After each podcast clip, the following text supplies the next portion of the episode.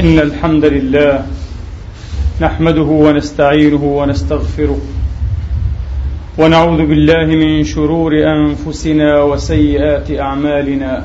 من يهده الله فلا مضل له ومن يضلل فلا هادي له وأشهد أن لا إله إلا الله وحده لا شريك له وأشهد أن سيدنا ونبينا محمدا عبد الله ورسوله. صلى الله تعالى عليه وعلى آله الطيبين الطاهرين وصحابته المجاهدين الميامين وأتباعهم بإحسان إلى يوم الدين وسلم تسليما كثيرا. عباد الله أوصيكم ونفسي الخاطئة بتقوى الله العظيم ولزوم طاعته. كما أحذركم وأحذر نفسي من عصيانه ومخالفة أمره. لقوله سبحانه وتعالى من عمل صالحا فلنفسه ومن أساء فعليها وما ربك بظلام للعبيد. ثم أما بعد أيها الإخوة المسلمون الأفاضل أيتها الأخوات المسلمات الفاضلات يقول الله سبحانه وتعالى في كتابه العزيز بعد أن أعوذ بالله من الشيطان الرجيم. بسم الله الرحمن الرحيم. يا أيها الذين آمنوا قوا أنفسكم وأهليكم نارا. يا أيها الذين آمنوا قوا أنفسكم وأهليكم نارا وقودها الناس وقودها الناس والحجارة عليها ملائكة غلاظ شداد لا يعصون الله ما أمرهم ويفعلون ما يؤمرون. يا أيها الذين كفروا لا تعتذروا اليوم.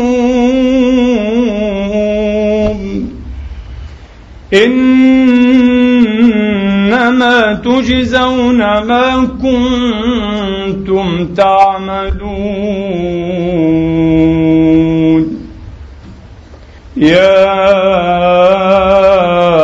أيها الذين آمنوا توبوا إلى الله توبة نصوحا.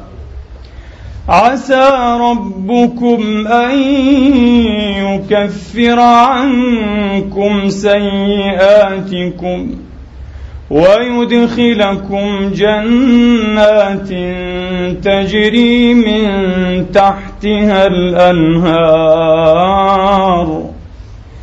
يوم لا يخزي الله النبي والذين آمنوا معه نورهم يسعى بين أيديهم وبأيمانهم.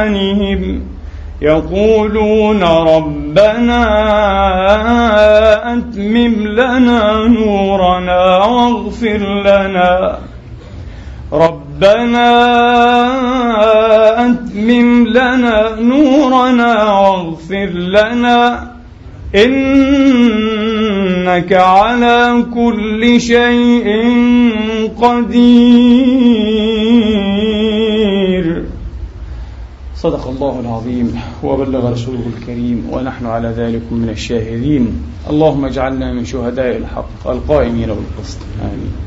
أيها الإخوة الأفاضل أيتها الأخوات الكريمات في الحقيقة كنت عازما على أن أتحدث إليكم في هذا اليوم الكريم وفي هذا المقام الكريم عن موضوع تمس إليه حاجتنا جميعا كمسلمين وعلى وجه أخص كآباء وأمهات وعلى وجه أكثر خصوصية كوالدين نعيش في المهجر في هذه الديار ديار الغربة غربة الروح وغربة العقل والوعي وغربة البدن.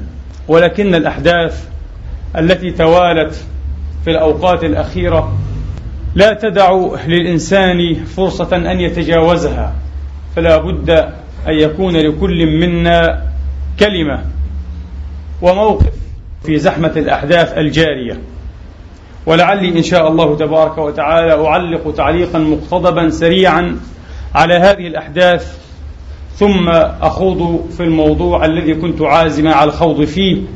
وأنا أؤمل إن شاء الله تبارك وتعالى أن يكون هذا الطرح اليوم بداية لسلسلة إما من الخطب وإما من الدروس والمحاضرات في هذا الموضوع الذي تمس إليه حاجتنا جميعا موضوع التربية.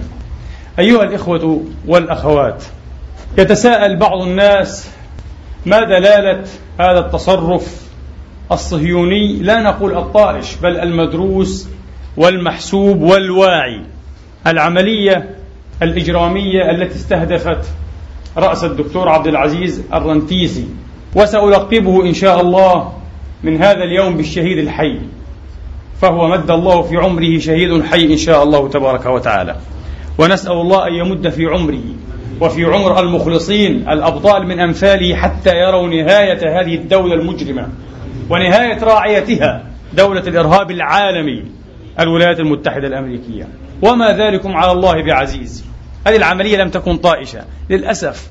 طبعا نحن أيها الإخوة على سبيل الادعاء المنتفش والزائف دائما نتهم الآخرين بالغباء وبالطيش وبعدم التدبير ونحن أحق بهذه النعوت. نحن أحق بهذه النعوت. ليس عندهم طيش ولا غباء ولا عدم تدبير. كل ما يفعلونه أيها الإخوة إنما يأتي وفاقا أو وفقا لخطة مدروسة وأحيانا على أمداء زمنية متطاولة ويضعون كل شيء في موضعه. وفي الوقت المناسب الذي يحددونه له. ليس هناك اعتباط ولا عفوية. وكما قلت نحن أهل الاعتباط ولنعترف بذلك من غير جلد للذات أيضا. نحن أهل اعتباط وأهل عفوية نحن الذين لا نمتلك أصلا لا رؤية ولا استراتيجية لا بعيدة ولا قريبة المدى. ليس عندنا شيء. لا لا أتحدث عنك كجمهور مصلين أبدا. أتحدث عن هذه الأمة المسماة بالأمة العربية أو الإسلامية وعلى وجه الخصوص عن هذه الأنظمة العربية والإسلامية التي تعاني حالة انهيار حقيقي أيها الإخوة.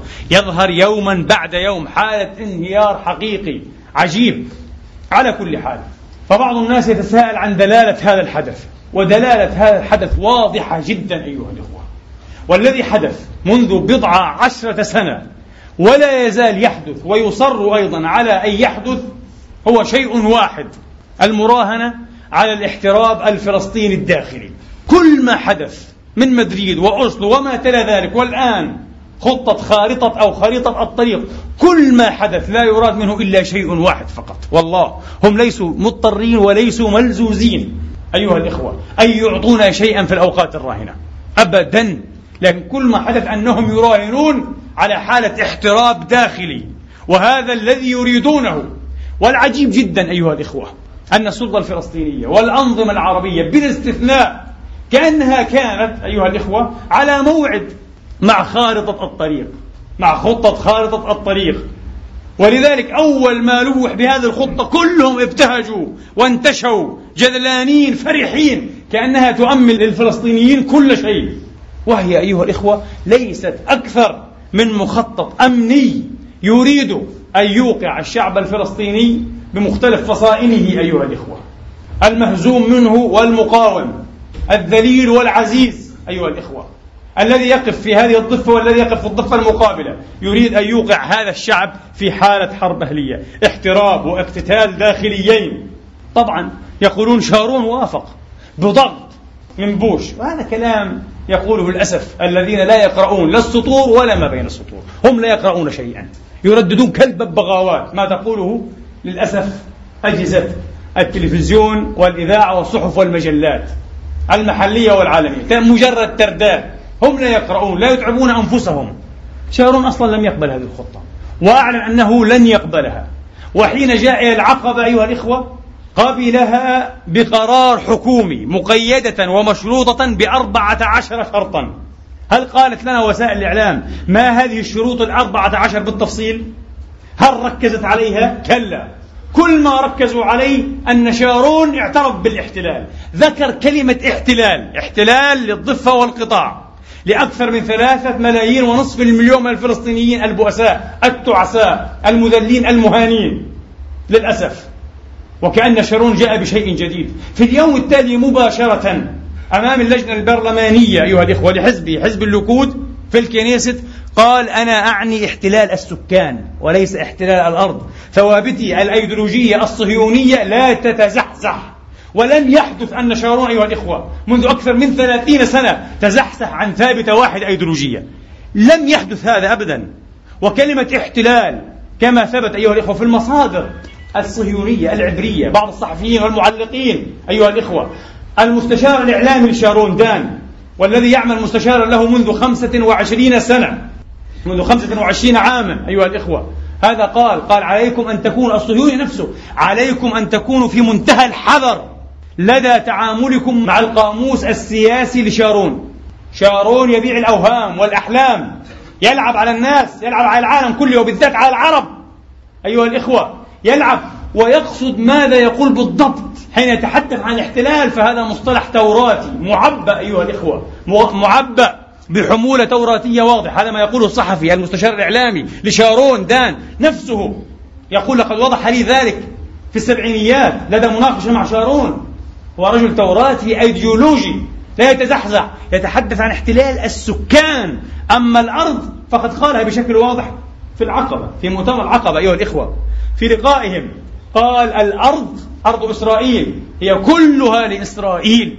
مهد ومأوى شعب إسرائيل. لا يتزحزح عن ذلك. كل الأرض. أما أن هناك سكانا وقعوا بطريق السهو وقعوا بطريق الخطأ في غفلة من خط الزمان والتاريخ جاء هؤلاء البدو الفلسطينيون الأوغاد المجهولون الذين لا يعترف بهم كطرف أصلا لا يعترف بهم كطرف مفاوض حتى في كلمة شارون هو لا ينظر إلينا على أننا طرف في حالة واحدة فقط يبرزنا حالة أننا الإرهاب الذي يتشارك مع بوش في قمعه وفي شن الحرب المعولمة عليه. في هذه الحالة فقط أما غير ذلك هو لا يعترف بنا. لا يستطيع أن يرانا لا يستطيع أن يرانا هذا المجنون. آه المؤدلج التوراتي التلمودي. لذلك يتحدث عن احتلال. قال لهم أتحدث عن احتلال سكان.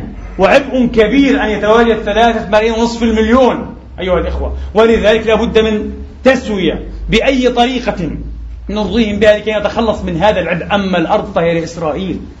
الأرض هي لإسرائيل. هكذا كانت وهكذا ستظل حسب أطروحات ودعاوى شارون. فرحنا جدا جدا بأنه قال كلمة احتلال.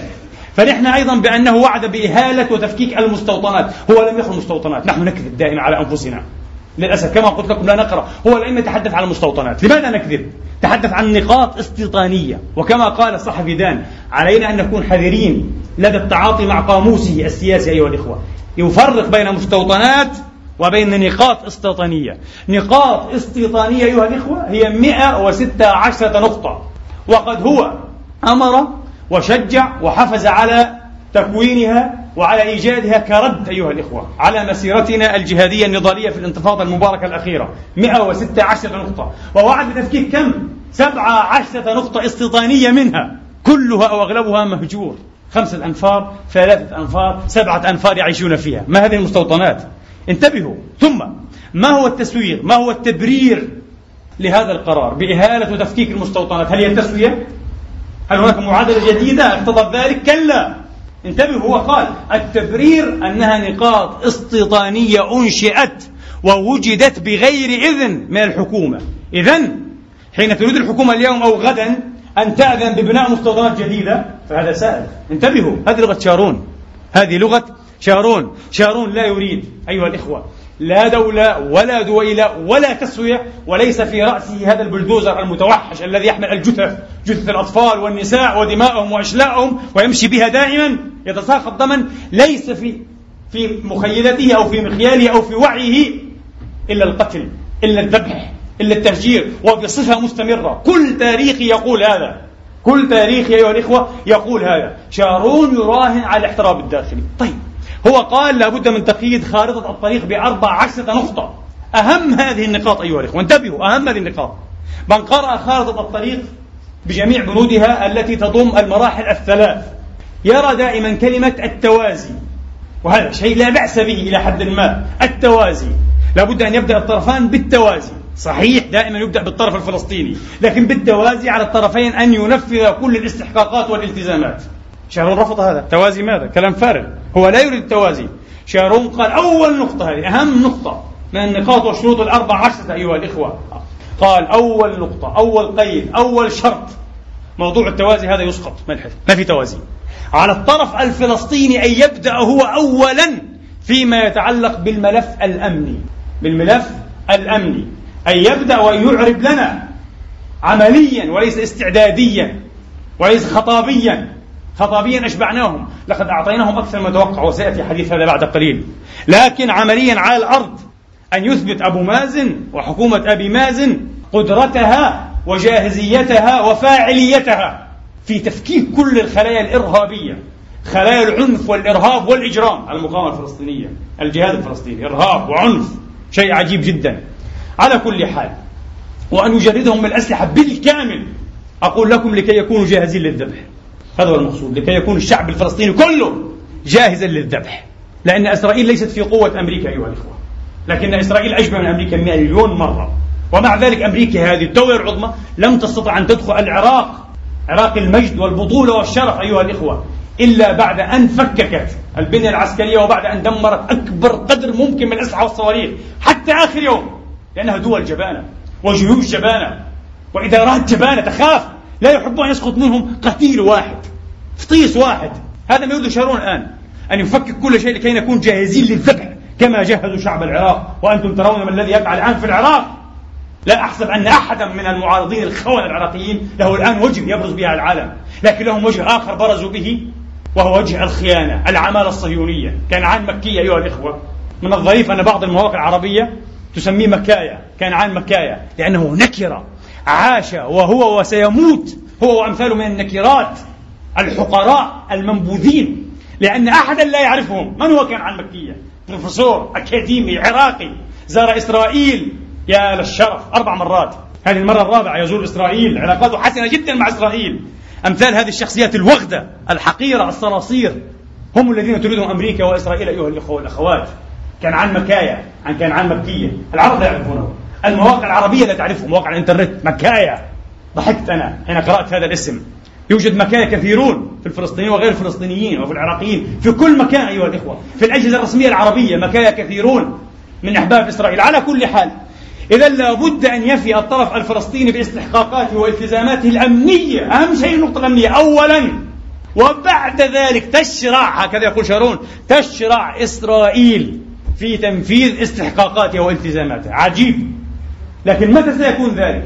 بعد أن يذبح الشعب الفلسطيني نفسه بيديه نفسه بنفسه وهذا إن شاء الله نسأل الله تبارك وتعالى بأسماء الحسنى وصفاته العلى ألا يقع ذلك. لأنها هي الكارثة التي تجري أمريكا وإسرائيل وراءها منذ بضع عشرة سنة والله. كل ما حدث في انتظار هذه اللحظة وقد كان الشعب الفلسطيني أعمق وأعظم وأنبل أيها الإخوة أي أيوة والله وأكثر وعيا وأكثر إدراكا من أن يقع في هذه الحفرة. لا أقول هذا لأنني فلسطيني بالعكس أنا عربي مسلم ليست لدي عصبية لكن أنا فخور بأن أفتخر بشعب كهذا شعب عظيم شعب واعي شعب مجاهد شعب صامت بكل المعايير. أي أيوة والله هو نقطة مضيئة أيها الإخوة هو تاج على رأس الأمة العربية والإسلامية. هذا الشعب بلا شك والآن في طريقه يمشي الشعب العراقي بحمد الله تبارك وتعالى. وقد خيب هذا الشعب العظيم الآخر أيضا ظنون كل الخونة والكذابين والذين يتاجرون بدمائنا وقضايانا. أول أمس يعترف البنتاغون بأن المقاومة العراقية مذهلة وليست كما كنا نتوقع. وما سيأتيكم سيكون أعظم إن شاء الله تبارك وتعالى. ما سيأتيكم سيكون أدهى بإذن الله من شعب العراق. والمعركة مستمرة بإذن الله. حتى يندح آخر جبان آخر جبان أمريكي. يخرج هكذا أيها الأخوة مضعطعا رأسه.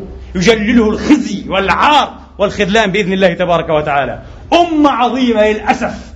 لا يعبر عنها قادتها السياسيون. للأسف ولا كثير من مثقفيها وكتابها الخونة الذين اتهموا أنفسهم لهكذا أنظمة. للأسف عفى عليها الزمن مهترئة تنهار كل ساعة كل حين. للأسف الأمة تعبر عن نفسها. الآن الشعب الفلسطيني يعبر عن نفسه. لا يمكن لشخص كأبي مازن أيضا هذا أشبه بالنكرة هو معروف في إطار المتف منظمة التحرير الفلسطينية. لكن العرب ليس معروفا. لغالبية حتى الشعب الفلسطيني ليس مأنوسا هذا الشخص الذي جاءت به الإدارة الأمريكية هكذا فرضت وانتخب في المجلس التشريعي. من الذي فرضه من الأول؟ من الذي قال نريد هذه الشخصية بالذات لأنها شخصية براجماتية ويمكن أن نتعامل معها؟ ليس له مبدأ ليس له شرف ليس له رجولة الفلسطيني ولا رجولة العربي والمسلم. ما معنى أن يأتي أبو مازن هذا؟ ليكرر ويعيد إنتاج الخطاب الصهيوني في أصفى ديباجاته أيها الإخوة. في أصفى ديباجاته. يقول أنه على المعاناة معاناة الشعب اليهودي عبر التاريخ أن تنتهي. لعنة الله على الخونة الظالمين. أين معاناتنا نحن؟ معاناة الشعب اليهودي أن تنتهي؟ هل نحن الفلسطينيين سبب في معاناة الشعب الصهيوني أم أن هذا الشعب المجرم وسياساته المجرمة الاستعمارية وسياسات الغرب الاستعماري أيضا الذي زرعه كخنجر مسموم في خاصرة الأمة العربية والإسلامية؟ هي السبب أم نحن السبب في المعاناة؟ نحن أصبحنا. نحن الضحية أيها الإخوة. نحن السبب في معاناة الشعب الصهيوني. هكذا يقول خطاب أبو مازن. هكذا. وإلا نحن لا نفهم شيئا. إذا لم يقل هذا فنحن لا نفهم شيئا. نحن والبقر سواء. معاناة الشعب الفلسطيني لا بد أن تنتهي. يقول وقد آن الأوان. أيها الإخوة لانتهاء هذه المعاناة لانتهاء كل هذه المعاناة. الله أكبر يا أخي. الله أكبر. هذا هو الخطاب الثقافي السياسي الصهيوني. هذا هو خطاب بن غوريون أيها الإخوة. هذا خطاب رؤساء أمريكا الأصوليين. هذا هو خطاب مناحيم بيغن الذي حين دخل بيروت غازيا مجرما والعالم أدانه أيها الإخوة. دخل يقول هتلر في بيروت. أنا بعمار جماعته هتلر في بيروت. ثم يطلق مقولته الشهيرة يقتلوننا لسبب واحد وحيد وهو لكوننا يهودا. كلام فارغ كذب لأنك محتل لأنك مستخرب لأنك ظالم لأنك مجرم. هذا هو. نحن نقاتل ندافع عن أنفسنا. أيها الإخوة. ثم يأتي السيد عجيب فهذا الخطاب هو خطاب الصهيونية الثقافية السياسية. خطاب شارون خطاب بيغن خطاب بن خطاب كل هؤلاء القتل العنصريين المجرمين. لماذا يكرر أبو مازن؟ من الذي ضربه على يديه لكي يكرره لكي يعيد إنتاجه؟ هذا الخطاب البائس. هذا الخطاب البائس التعس أيها الإخوة الكاذب الذي لا يقول الحقيقة أبدا لا من قريب ولا من بعيد هو الذي يشرعن كل ممارسات الاحتلال الإجرامية. إذا هم يذبحون وينتقمون ويدمرون ويسوون كل شيء بالأرض. أيها الإخوة ولا تسلم حتى الأرض من لعناتهم. لماذا؟ لأنهم ضحايا. ولهم وعليهم أن يردوا الظلم عن أنفسهم. ونحن لازلنا حلقة أيها الإخوة في سلسلة ظالميهم. هل تقبل الصهاينة هذا الخطاب من أبو مازن؟ بالله عليكم اسمعوا.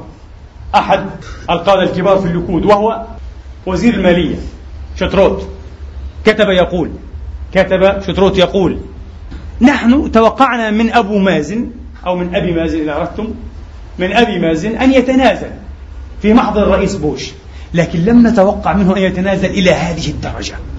لقد خرج الرجل عن طوره ليثبت أنه ولد جيد. good baby يعني. good child ولد جيد. اسمعوا. اسمعوا الإهانة ما الذي نفعله بأنفسنا؟ أشعر بالعزة والفخار والله العظيم. لمواقف أمثال الدكتور رنتيسي الشهيد الحي. ونشعر بالخزي والعار يجللنا لمواقف هؤلاء الأنذال الأوغاد خزي وحار. ومن ورائهم النظم العربية أيضا. في نفس الخط تسير خزي وحار. ما الذي نفعله بأنفسنا أيها الإخوة؟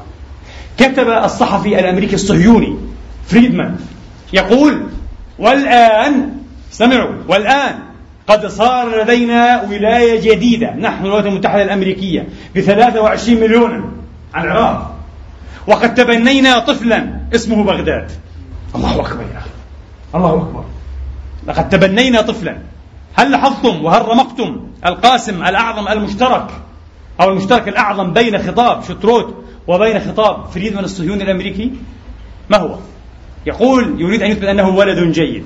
يقول تبنينا طفلا اسمه بغداد. إنها اللهجة الأبوية.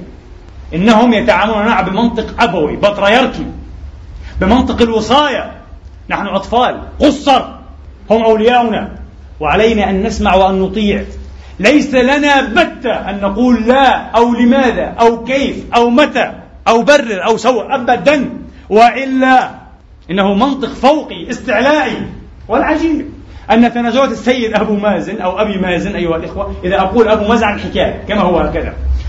تنازلات أبي مازن لم يقبلها اليهود هكذا بعفوية وبسذاجة. توقفوا وقالوا هل يقصد حقيقة ما قال الرجل؟ أم أنه يريد أن يستر مواقف قديمة له؟ ترددوا فيه. عجيب جدا. إذا أيها الإخوة هنا شيء جديد لأول مرة. إسرائيل عليها أن تتكرم. وأن تمتن علينا وأن تنعم علينا بنعمة أن تقبل ذلنا. نعم عليها أن تعطينا ضوءا أخضر لكي نلحس حذاء العسكري. هكذا. نعم. ليس كل ليس مسموحا لكل أحد بلحس الحذاء الصهيوني. لا هذا شرف كبير لكم أيها العرب. هكذا يقول الصهاينة. ما الذي نفعله بأنفسنا؟ ما هذا الذل والعار الذي نعيشه؟ لماذا؟ من أجل ماذا؟ هل هذه الأمة العظيمة أمة الجهاد والتضحية والنضال والبطولة والفداء والرجولة تستحق أن يعبر عنها بهكذا أسلوب وأن يعبر عنها هكذا رجال إذا صح أن يسموا رجالا للأسف الشديد للأسف. ثم قال الرجل نحن مع المعركة العالمية على الإرهاب لقد سمى النضال الفلسطيني كله إرهابا. قال هدفنا واضح ومحدد وسنعمل على تحقيقه بحزم ودون هوادة. ما هو يا أبا مازن؟ القضاء على العنف والإرهاب في كل مكان وبكل وسيلة انتبهوا في كل مكان يعني في الأرض المحتلة وغير المحتلة إذا وكلها محتل.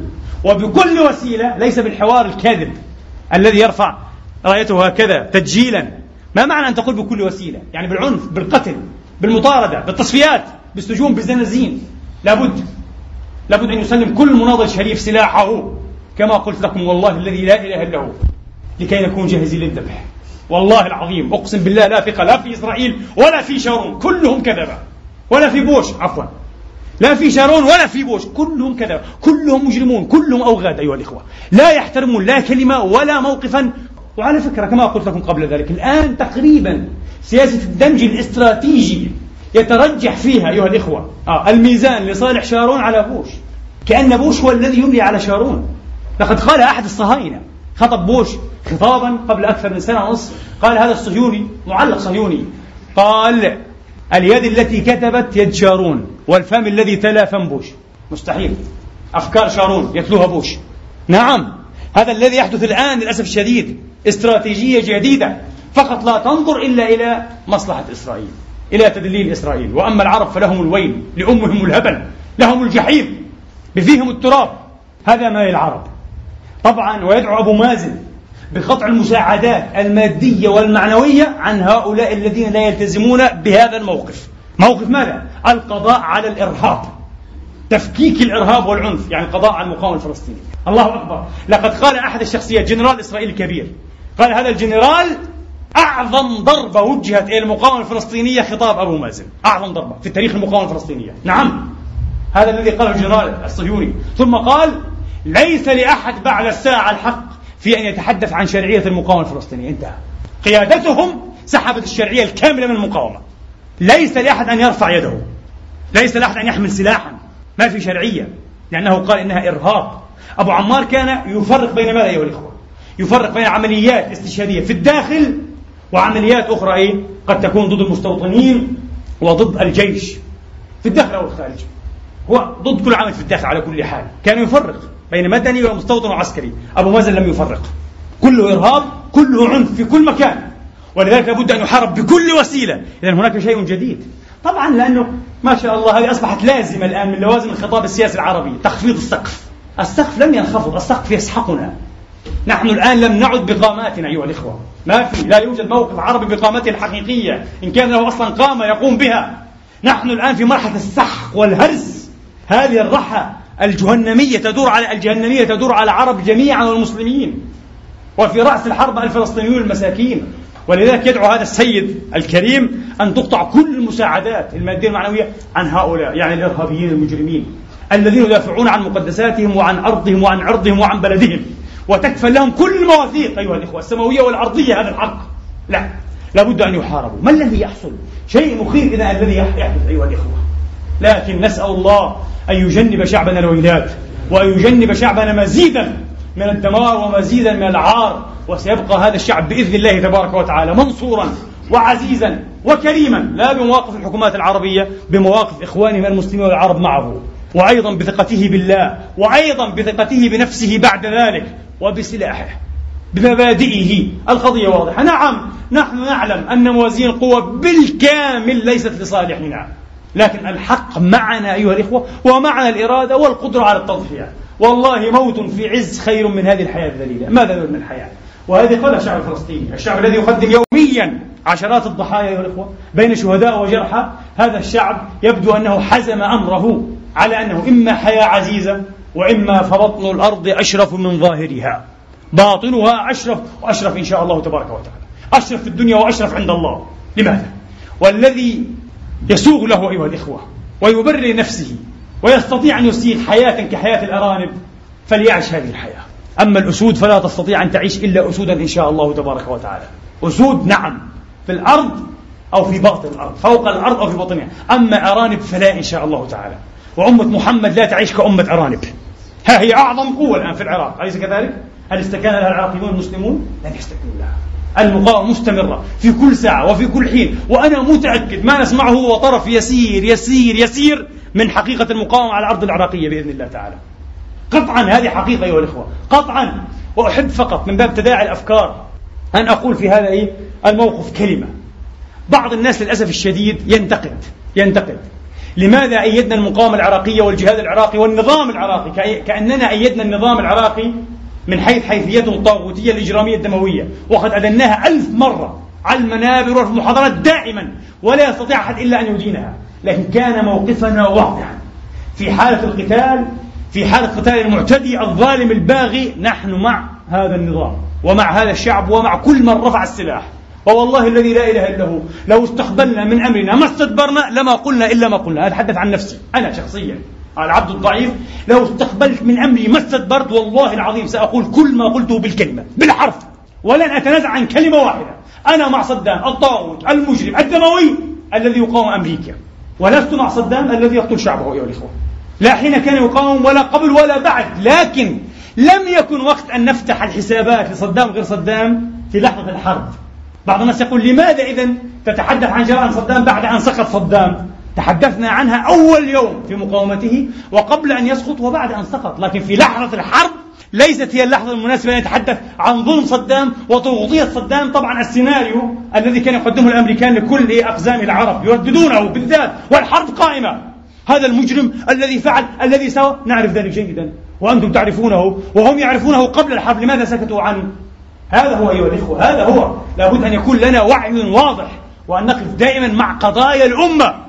أن نتعالى على بعض هذه السفاسف على بعض الحسابات التي توشك أن تكون شخصية بين بعض القادة أو القادة أو بعض حتى الدول أو بعض الأحزاب والأفكار والأيديولوجيات للأسف الشديد والأمة هي التي تضيع بين الأرجل كما يقال تداس وترفس. لا نحن مع قضاء ويكفينا شرفا يكفينا شرفا بحمد الله وعزة ورجولة وإخلاصا أننا لا نقف مع الطرف الذي تقف أطراف كثيرة يدفع لها أو لا يدفع أيها الإخوة وهي مستذلة فعلا مستذلة مهانة تريد أن تغنم بعض المغانم وأن تعطى بعض المكاسب. لسنا مع أمريكا بحمد الله تبارك وتعالى. لسنا مع أعتى قوة. الأكثر أن يتوسل إليها. أليس كذلك؟ الأكثر. على جميع المستوى. لسنا مع الظلم. أيا كان. ولا نخشى تبعة هذه المواقف بحمد الله تبارك وتعالى. وسنظل هكذا ونسأل الله أن يثبتنا وأن يعطينا من الشجاعة والرجولة والصدق والإخلاص والانحياز إلى قضايا أمتنا وديننا إلى أن نلقاه ونحن على ذلك إن شاء الله تبارك وتعالى. لسنا مع الكذبة ولا المزيفين ولا الشامتين المنافقين لأن هذه الأمة برز فيها كثير من الشامتين المنافقين الذين ما إن حصل ما حصل حتى أظهروا شماتتهم حتى بالإخوة العرب الذين ذهبوا للجهاد في العراق أظهروا شماتتهم بهم. فلعنة الله على المتخاذلين ولعنة الله على المثبطين ولعنة الله على كل منافق. ونسأل الله أن يطهر هذه الأمة من منافقيها. ما قتل من قتل في فلسطين ولا اغتيل من اغتيل في فلسطين إلا أيضا بأمثال هؤلاء الأوغاد الخونة الجواسيس الطابور الخامس في, أمتنا. للأسف الشديد علينا أن نكون واضحين أيها الإخوة كما قلت لكم لا يتخوننا لا خوف ولا جبن ولا رغبة ولا رهبة. علينا أن نحزم أمرنا أيها الإخوة لكي نعيش ونموت ونحن نجأر بالشكوى إلى الله تبارك وتعالى ونرفع عقيرتنا أيضا بالدفاع عن حقوق هذه الأمة وعن قضايا هذه الأمة وعن مجد هذه الأمة وعن عطاء هذه الأمة. أقول هذا القول وأستغفر الله لي ولكم فاستغفروه.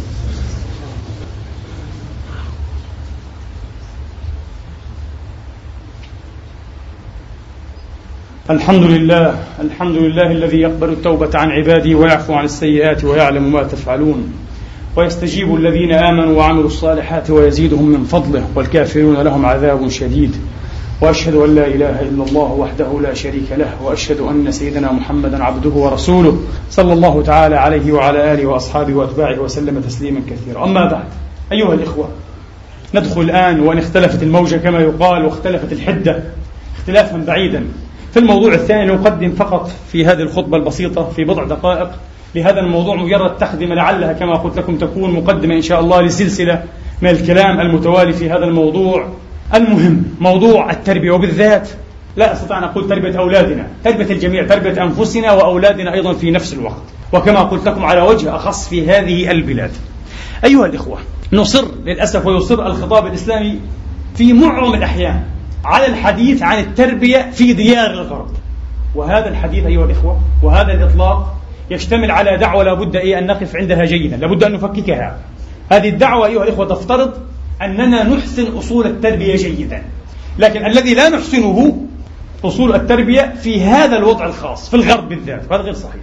نحن حقيقة ثقافتنا التربوية وثقافتنا النفسية بشكل عام ضحلة وضئيلة جدا لا تمكننا إلا فيما نذر إلا فيما شاء الله تبارك وتعالى أن نمارس التربية كعملية يقظة مستبصرة واعية أيها الإخوة بإدراك ووعي وهدفية صحيحة. لذلك تقريبا نحن بشكل عام للأسف الشديد برضو إلا من رحم الله نشأنا نشأة مشوهة إدراكيا عاطفيا وجدانيا شخصيات مهزوزة شخصيات ضعيفة جبانة تتعاطى الملق تتعاطى النفاق وهذا هو سر أزمتنا مع, مع النظم العربية أصلا مع النظم. لنا وجه ولنا باطن آخر. آه. نلعن ونسبح بحمد الطاغية في نفس الوقت. التناقض الذي استطاع أن يبرهن جورج أورويل في روايته المشهورة 1984 على أنه هو جوهر النظم الاستبدادية الكلانية الشمولية.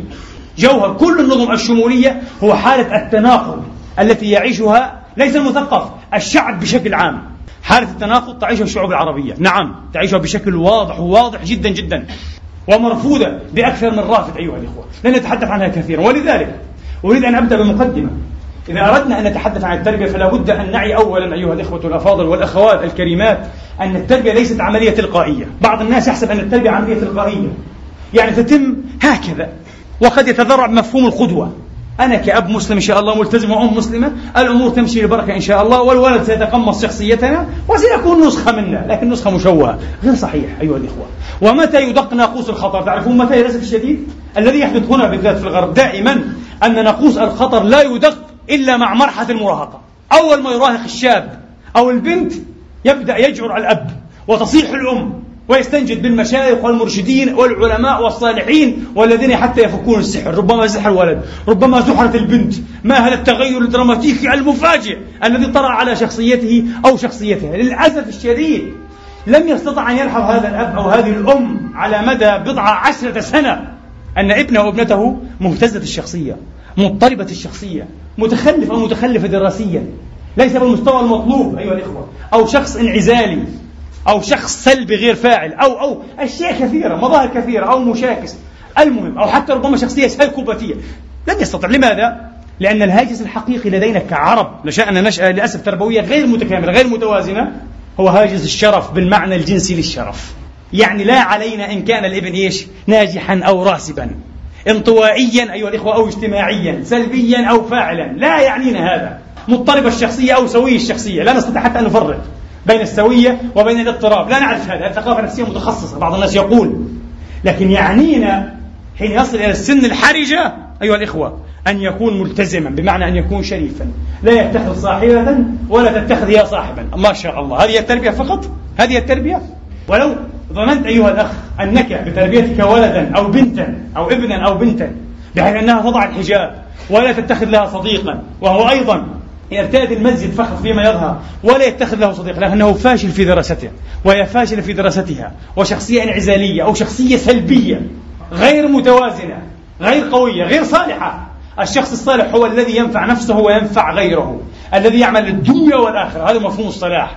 وهدف التربية الإسلامية العتيد والرئيس هو إخراج الإنسان الصالح بالمعنى القرآني للصلاح أيها الإخوة. يصلح للدنيا ويصلح للآخرة. يصلح لنفسه ويصلح لغيره أيضا في نفس الوقت. هذا هو المسلم الذي وعد الله أن يورثه الأرض أن الأرض يرثها عبادي الصالحون. لا المسلم السلبي العاجز الذي يضع لحية أو تضع حجابا. لا ليس هذا هو المسلم الصالح الحقيقي أبدا. للأسف هل تعلمون أن أكثر من 70% أو زهاء 70% من الأطفال الذين يلتحقون بما يعرف بالمدارس الاستثنائية سودر شولي هم من أطفال المسلمين؟ 70% عار علينا. هذا لا نعرفه جيدا لأننا لا نفكر بطريقة علمية لا نؤمن بالأحصاء بالأرقام بهذا اليقين لا نحب ذلك لا نحب أن نواجه الحقائق المرة. 70% هنا في النمسا في النمسا هنا أيها الإخوة وفي ألمانيا أيضا ربما النسبة تزيد حتى أتراك أكثر هناك. 70% من أطفال Sonderschule هم من المسلمين. و Sonderschule مدارس استثنائية لا تؤهل من يدخلها لأي شيء. لا مهنة ولا شهادة ولا علم لا دنيا ولا آخرة. يعني أي كلام. شهادة كما يقال يعني يمكن أن يبلها في الماء وأن يشرب إيش؟ ماء فقط. لا أكثر من ذلك. لا تفيد أبدا. 70% فشل كبير. ونقول إننا ربينا. أو نحسن. نحن لا نربي. لا نعرف شيء للأسف الشديد أيها الإخوة. للأسف. إذا علينا أن ننطلق أولا من حقيقة أن التربية ليست عملية تلقائية عفوية. أبدا. هي عملية يقظة مستبصرة أيها الإخوة واعية ومدركة ومتناغمة يقوم بها إيه؟ كحلقة أولى وهي أمتن الحلقات هي النواة الصلبة للعملية التربوية بأسرها أو في كليتها الأب والأم الوالدان والحقيقة الأكثر أهمية للأسف طبعا انتهى الوقت أن الأب والأم إذا لم يكونا قد ضبط كل منهما أيها الإخوة موجته على موجة الآخر بمعنى أن هناك حالة من الهرموني من التناسق من التراسل من التناغم الوجداني الشعوري الإدراكي العلمي التربوي المسلكي بين الوالدين بين الأب والأم. فانتظر أن يدفع كلاهما الثمن فشلا أيها الإخوة في مسيرة الأبناء والبنات. تمردا عصيانا سلوكا مشينا أو عجزا ودمارا في شخصية الأبناء والبنات. وهما لا لا يستطيعان أن يدركا أن السبب الرئيس في هذا الفشل كله وفي هذه الألوان من الفشل هو أنهما ليس متناغمين. يعيشان تحت سقف واحد. لكن المشاكل ما شاء الله 24 ساعة. أو القطيعة بشكل دائم. قطيعة. الطفل كما يقول أحد علماء النفس أيها الإخوة بتكوينه والأخوات. الطفل بأصل تكوينه فيلسوف. عميق التفكير. يستطيع أن يلتقط من المعاني الباطنة ما لا يستطيع حتى المدرك الواعي أن يدركه. الطفل يستطيع أن يقيس. عنده مؤشر حساس جدا جدا. طبيعة العلاقة بين الوالدين بطريقة لا يمكن لأحد الوالدين أن يتصورها. تخيلوا؟ لا يمكن. فيلسوف بأصل تكوينه. سأحكي لكم قصة غريبة جدا جدا أيها الإخوة. رجل يعيش هو رجل ما شاء الله طبيب ويعيش مع زوجته. حياة موفقة كما يظن أو كما يدعي. كل شيء متوفر السيارة البيت الشقة الفلوس المصاريف. والبنت تذهب إلى أحسن مدرسة لكن البنت متخلفة دراسيا. حاول هو حاولت الأم البنت متخلفة. والأب يقنع أن البنت ليست متخلفة عقليا. ذكاؤه ممتاز فوق المتوسط لكنها متخلفة في الدراسة. وفي المقابل أب آخر أيضا في نفس الحالة ممتاز من ناحية اجتماعية مهنية إلى آخره ويعيش حياة هادئة يعني من غير مشاكل. لكن يبدو أنها ليست متناغمة ما في حب ما في تناغم ما في تراسل ما في ضبط للموجة أيها الإخوة. حياة روتين بارد قاتل. وابنه أصيب في الثامنة بحساسية شديدة تكاد تقضي عليه في نوباتها رفعه إلى جميع الأطباء. فشلوا جميعا. لم يعرفوا منشأ هذه الحساسية. لا يرجع يعني. بعد ذلك طبيب هذا يبدو أنه درس علم النفس جيدا. عنده قاعدة نفسية. قال له لابد أن يكون السبب نفسيا. يرفعه إلى معالج. رفعه المهم بعد جلسات كثيرة. قال له السبب هو طبيعة العلاقة بينك وبين أمه. الولد يقول لا يعترض. أذكى من الأب وأذكى من الأم. يشعر أن العلاقة ليست هذه العلاقة الفطرية التي بين زوجين أيها الإخوة. فكيف إذا كانت علاقة مشاكسات وسب وتلاوم دائم. أنت السبب لا أنت السبب أنت الذي دمرت الأسرة أنت دمرت الأسرة. أنت جاهل لا أنت جاهلة. وهكذا. مش ممكن. دمار كامل للأسرة. على جميع المستويات. جهل لأننا لا نحسن أصول التربية ما عندنا أي قواعد كما قلت في الثقافة النفسية والتربوية. على كل حال تعلمون كيف تم يعني بعد ذلك العلاج بشكل غريب جدا جدا. بشكل غريب. السبب أن هناك قصة حب بين هذا الرجل وبين تلك المرأة. وبين هذه المرأة وبين ذلك الرجل. قبل الزواج قبل أن يتزوج كل منهما. وتزوج كل منهما كانتقام من الطرف الآخر. وباتت الحياة باردة. هادئة جدا جدا لكن من غير تناغم حقيقي. من غير تآزر وتبادل عاطفي. متبادل يعني كما يقال. مش موجود. ودفع الثمن. إيه الطفل هنا؟ والطفل هنا.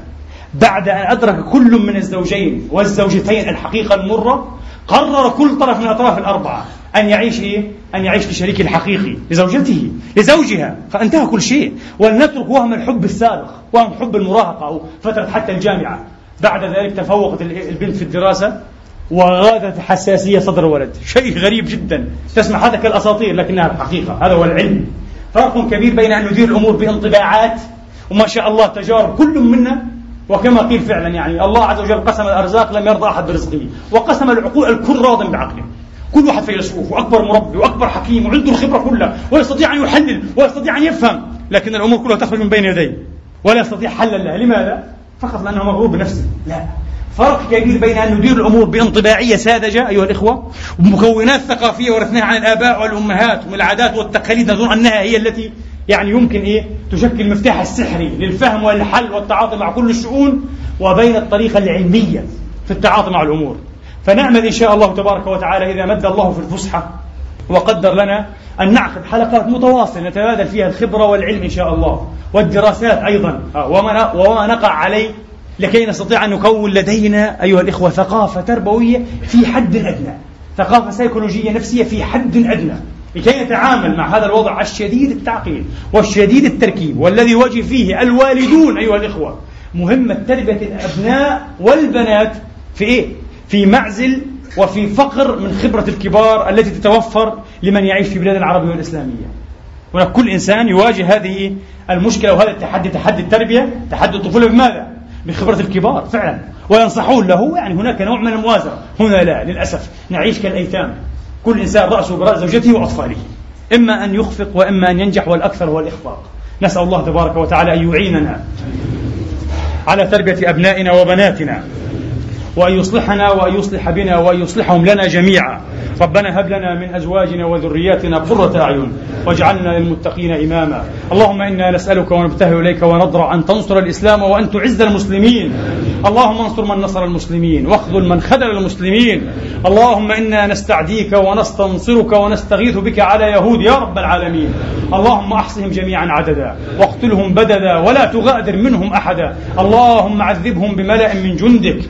وبقوة من عندك وبأيدينا وأيدي المؤمنين يا رب العالمين. اللهم أدر عليهم دائرة السوء فإنهم لا يعجزونك وأرنا فيهم يوما أسود قريبا كأيام عاد وثمود وفرعون ذي الأوتاد. إلهنا ومولانا رب العالمين. هم ومن ناصرهم وما لأهم وكان معهم يا رب العالمين. عباد الله إن الله يأمر بالعدل والإحسان وإيتاء ذي القربى وينهى عن الفحشاء والمنكر والبغي يعظكم لعلكم تذكرون. اذكروا الله العظيم يذكركم واشكروه يزدكم. وسلوه من فضله يعطكم وقوموا إلى يرحمني يرحمكم الله